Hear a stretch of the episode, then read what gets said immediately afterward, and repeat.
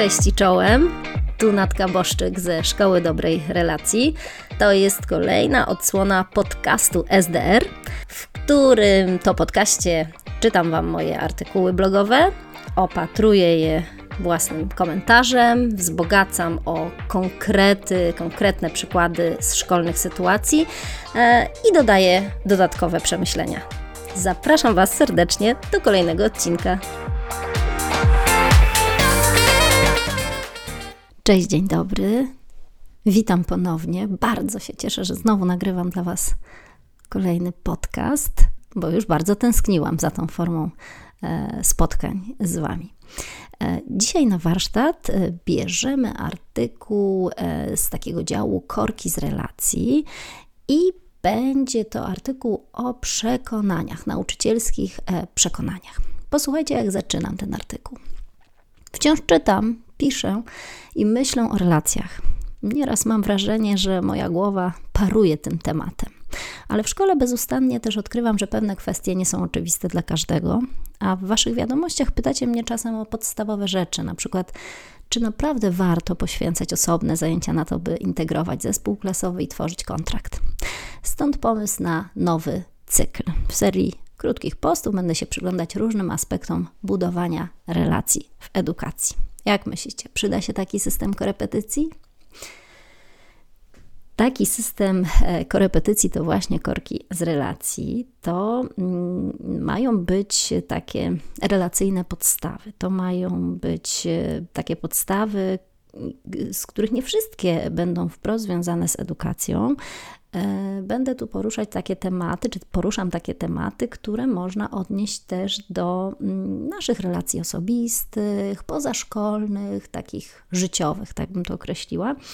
E, ale mogę Wam obiecać, że jeśli korki relacji wezmę na warsztat podcastowy, to na pewno będzie sporo odniesień do edukacji, bo bardzo mi zależy na tym, żebyście mm, odnosili tę wiedzę, odnosiły tę wiedzę do Waszej szkolnej rzeczywistości. Także tutaj będę przerywać co chwilę tok e, artykułu i wtrącać jakieś odniesienia właśnie do tych e, szkolnych sytuacji.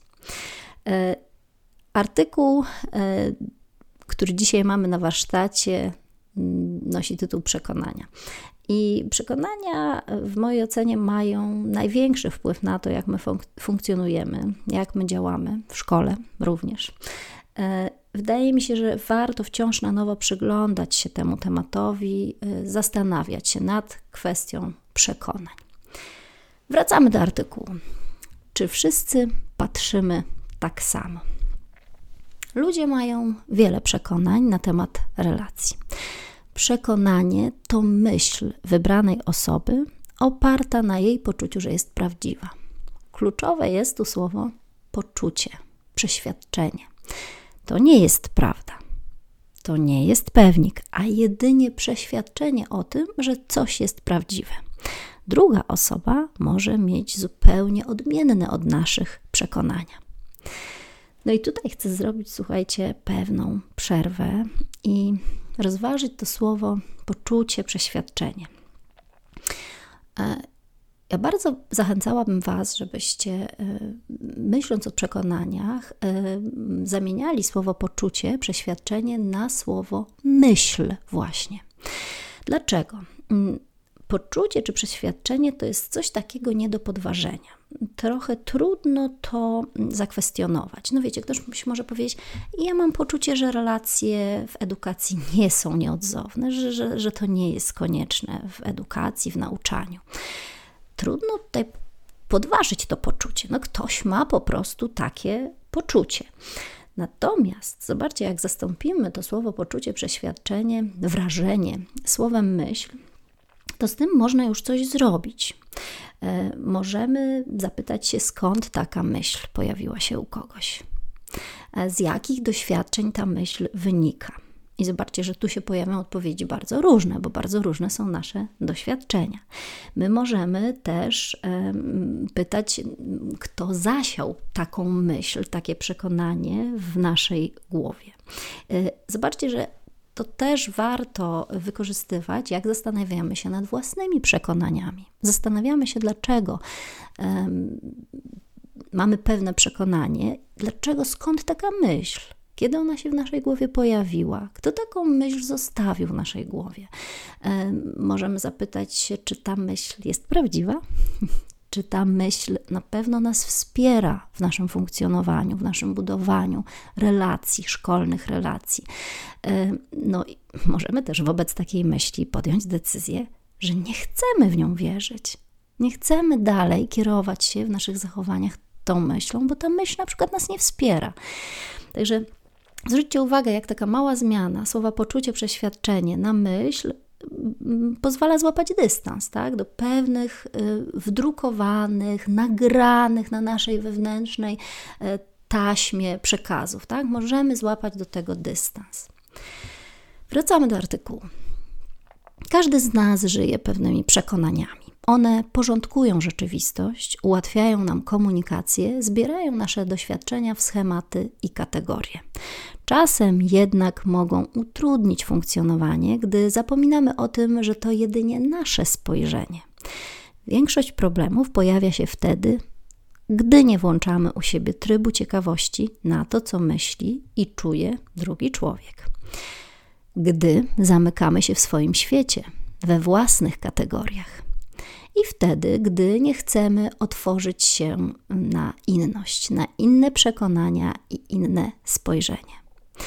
Nieraz, gdy słucham moich uczniów, czasem kolegów w pracy albo przełożonych, myślę sobie, że wystarczyłoby, żeby zobaczyli, że drugi człowiek, który różni się od nas, ma do tego prawo.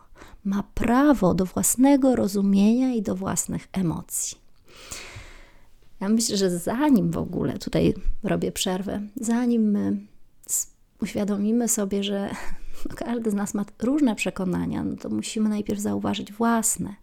I tu, gdybym dziś pisała ten artykuł, pewnie bym spory fragment poświęciła właśnie temu, przyglądaniu się hmm, temu, co jest w mojej głowie, jakie są moje przekonania. Zresztą troszeczkę o tym napisałam, posłuchajcie. Dla mnie to było ważne odkrycie na drodze budowania relacji z innymi zaczęłam przyglądać się różnym kwestiom, które miałam w głowie i zaczęłam zadawać sobie pytania, czy to prawda, czy tylko moje przekonanie. Na przykład, że relacje robią się same, bez naszego większego udziału.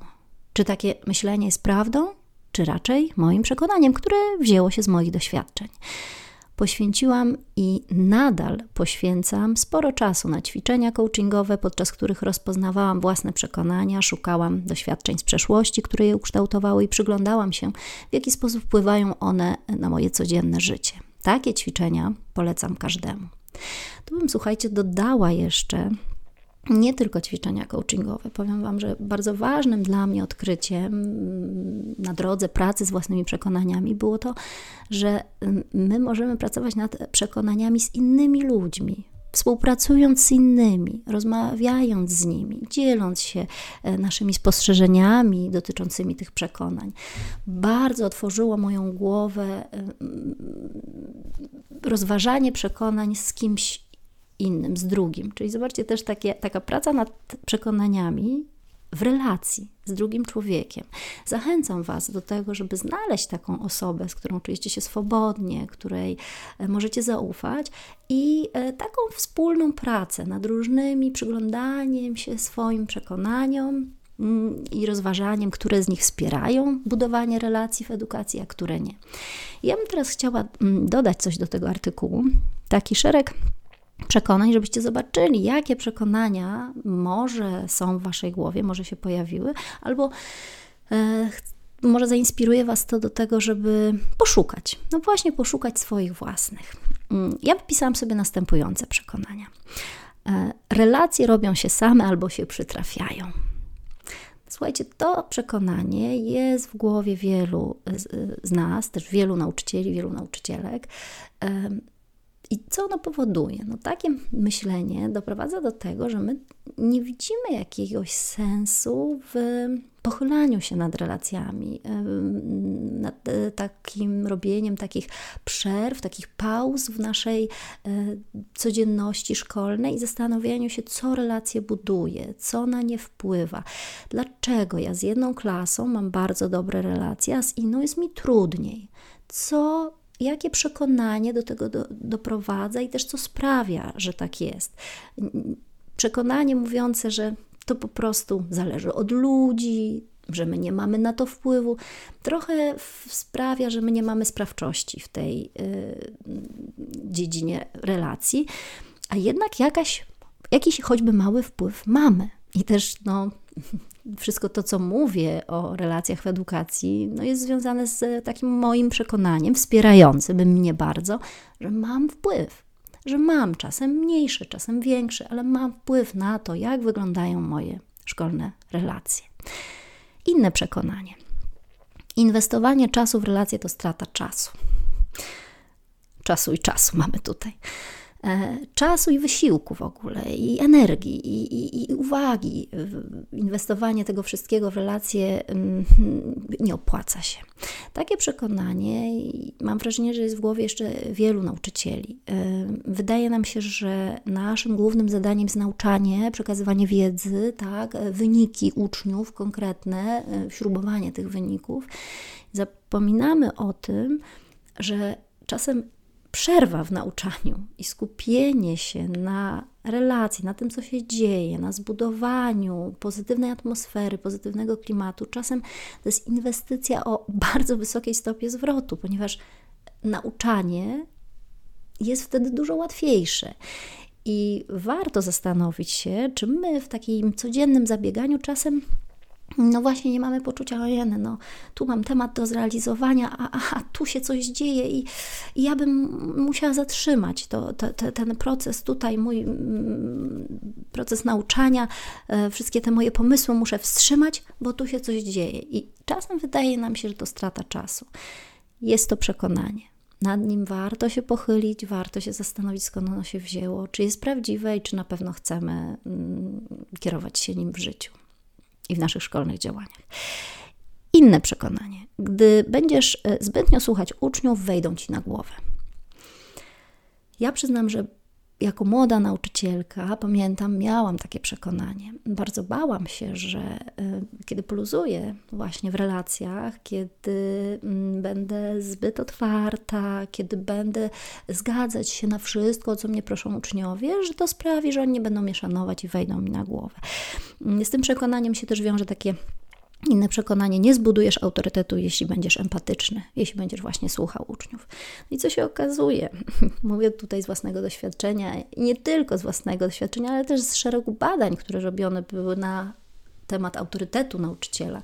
Okazuje się, że ten autorytet nie buduje się wcale na mm, mm trzymaniu dyscypliny, ignorowaniu potrzeb uczniów, e, niezgadzaniu się na wszystko on się buduje na autentyczności, na byciu prawdziwym, na byciu spójnym, na wyznawaniu jasnych wartości i też mm, mówieniu o tym i, i, i działaniu według tych e, wartości. I drugi bardzo ważny czynnik to jest no właśnie odwrotnie, słuchanie uczniów, pochylanie się nad tym, co mają do powiedzenia. Okazuje się, że to buduje autorytet. O tym mówią uczniowie mm, i absolwenci szkół, że to tacy nauczyciele wzbudzali prawdziwy respekt.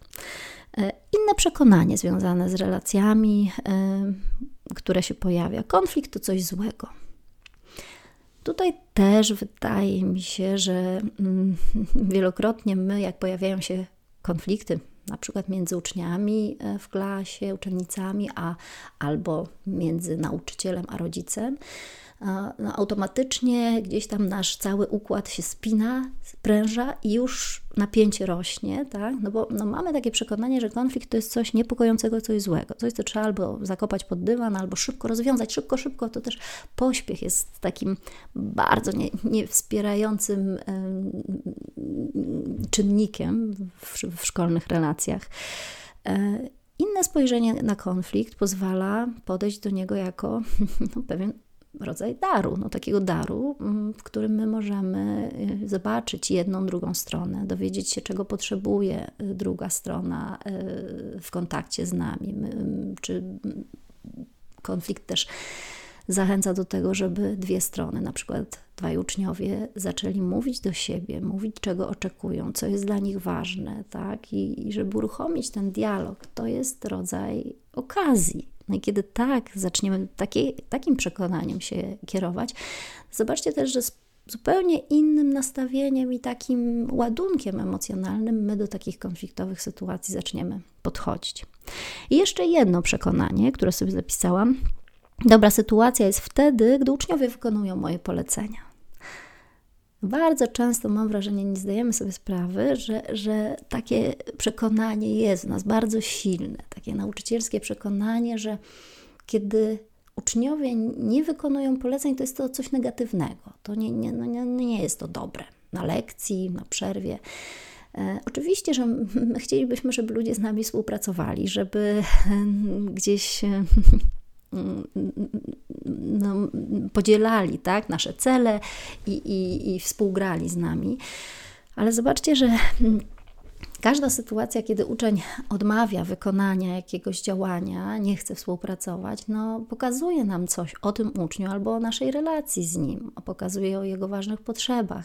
Takie sformułowanie E, które mnie bardzo wspiera, brzmi: Jeśli uczeń mówi do ciebie nie, mówi tak czemuś bardzo ważnemu dla siebie. I zobaczcie, że to jest okazja do pochylenia się nad tym uczniem, e, zapytania o co to chodzi, co ważnego, co jest ważniejszego od tego, żeby działać razem ze mną, co, co, z czego ty potrzebujesz. Tak? Zobaczcie, że to jest cudowne morze możliwości się tutaj przed nami otwiera, w którym my możemy, przez które możemy płynąć i, i, i, i no, możemy odkrywać, co tam się znajduje, tak? I to jest również sposób na budowanie relacji. Także takie odwrócenie tego przekonania, że mm, to nie jest zła sytuacja, kiedy uczeń się z nami nie zgadza i nie chce współpracować, to jest coś dobrego. Zobaczcie, jak to bardzo wspiera budowanie relacji. Dobrze, to taki trend tutaj tych przekonań e, na temat e, budowania relacji w edukacji jest więcej w mojej książce, w dobrych relacjach w szkole. Zachęcam Was do zajrzenia tam. E, a my wracamy do artykułu. Chcesz mieć rację czy relacje? Większość naszych, moich przekonań dotyczy świata kontaktów międzyludzkich. Gdy zapominam o tym, że kieruję się przekonaniami, przestaję widzieć drugiego człowieka. Wtedy wydaje mi się, że moja prawda jest po pierwsze prawdą, a po drugie prawdą najlepszą, najsłuszniejszą, najprawdziwszą. I to ja mam rację. Problem polega na tym, że gdy mamy rację, rzadko kiedy mamy też relacje. Nie da się budować relacji bliskości, gdy najważniejsze jest dla nas nasze własne zdanie, a świat drugiego człowieka nas nie obchodzi. A przecież ten świat jest przebogaty, jak i nasz, my widzimy jedynie jakiś fragment, często jedynie fasadę tego świata. Gdy porzucamy własne przekonania, zaczynamy pytać, co ty o tym myślisz? Z czego te myśli wynikają? Jakie masz z tym tematem odczucia? Co czujesz? Z czego te emocje wynikają? Z jakich Twoich doświadczeń albo potrzeb? I jakie to ma dla Ciebie znaczenie? Wtedy otwieramy się na świat drugiej osoby, a ona zaczyna być ciekawa nas. I tu zaczyna się magia prawdziwego dialogu, bliskości, relacji. Ja nie wiem, czy Wtedy zaczyna się ta magia. Ja bym powiedziała, że to jest niekończący się taniec. E, taniec, w którym my sami rozważamy, jakie przekonania są w naszej głowie, które nam służą, a które nie, pamiętając, że ludzie mają inne przekonania i że musimy być ciekawi tych przekonań, że nie możemy zakładać, że inni myślą i czują tak jak my. Na koniec w artykule pojawia się zadanie domowe. Posłuchajcie. Każdy czytelnik Szkoły Dobrej Relacji wie, że jestem przeciwniczką zadań domowych, zwłaszcza tych odtwórczych, o czym już wielokrotnie na blogu pisałam. Ale zadanie domowe, które angażuje uczącego się i wiąże się z jego wewnętrzną przemianą, jest jak najbardziej wskazane. Dlatego zostawiam Was z zadaniem domowym z naszych korków, z relacji, Poprzyglądajcie się swoim myślom, zwłaszcza tym dotyczącym relacji. Które z nich są przekonaniami? Z czego wynikają? Popytajcie ludzi, co na dany temat myślą. Otwórzcie się na inną perspektywę. E, z tym zadaniem domowym zostawiam wszystkich moich słuchaczy, ale chciałabym jeszcze na koniec przeczytać Wam e, bardzo ciekawy komentarz, który zostawiła jedna z czytelniczek pod tym e, postem. Marta pisze: Uwielbiam ten wpis. Poruszyła się dwie kwestie, nad którymi ostatnio dużo myślałam. Po pierwsze, prawda. Rozważałam tę kwestię również na studiach etnologicznych, na zajęciach z filozofii, teorii kultury, podczas przygotowań do pracy terenowej, rozmów z ludźmi itd. Tak I mam wrażenie, chociaż to może tylko moje przeświadczenie, że w wielu kwestiach w ogóle nie ma jednej obiektywnej, niezaprzeczalnej prawdy. Każdy z nas, ze względu na swoje doświadczenia, przeżycia, odczucia, ma swoją własną prawdę i te prawdy mogą się różnić, a nie stają się przez to mniej prawdziwe. Tutaj przerwę. Oczywiście też mam takie poczucie, że mm, no, to, to jest bogactwo nasze i że te prawdy są takie bardzo różnorodne, no my możemy tylko z tego korzystać. To jest coś fascynującego, tak, że wszyscy niesiemy inną prawdę i zobaczcie, że można się e, okopać we własnych przekonaniach, a można też je cały czas się im przeglądać, przyglądać im, cały czas łapać do nich dystans, i otwierać się naprawdę drugiego człowieka. Myślę, że to jest absolutnie podstawowe we wszystkich relacjach, a w relacjach w edukacji szczególnie ważne. Marta dalej pisze w komentarzu. Po drugie, czy relacje robią się same? Otóż ja bardzo długo byłam przekonana, że tak bo mi się jakoś robiły od zawsze. Jeszcze jak nie miałam pojęcia o pedagogice, dydaktyce czy psychologii, tak sobie zupełnie intuicyjnie działałam, charytatywnie, ucząc niewiele ode mnie młodsze dzieciaki tańca. Więc im dłużej czytam Twój blog, tym więcej się uczę i działam bardziej świadomie, ale też tym bardziej otwieram się na inną perspektywę.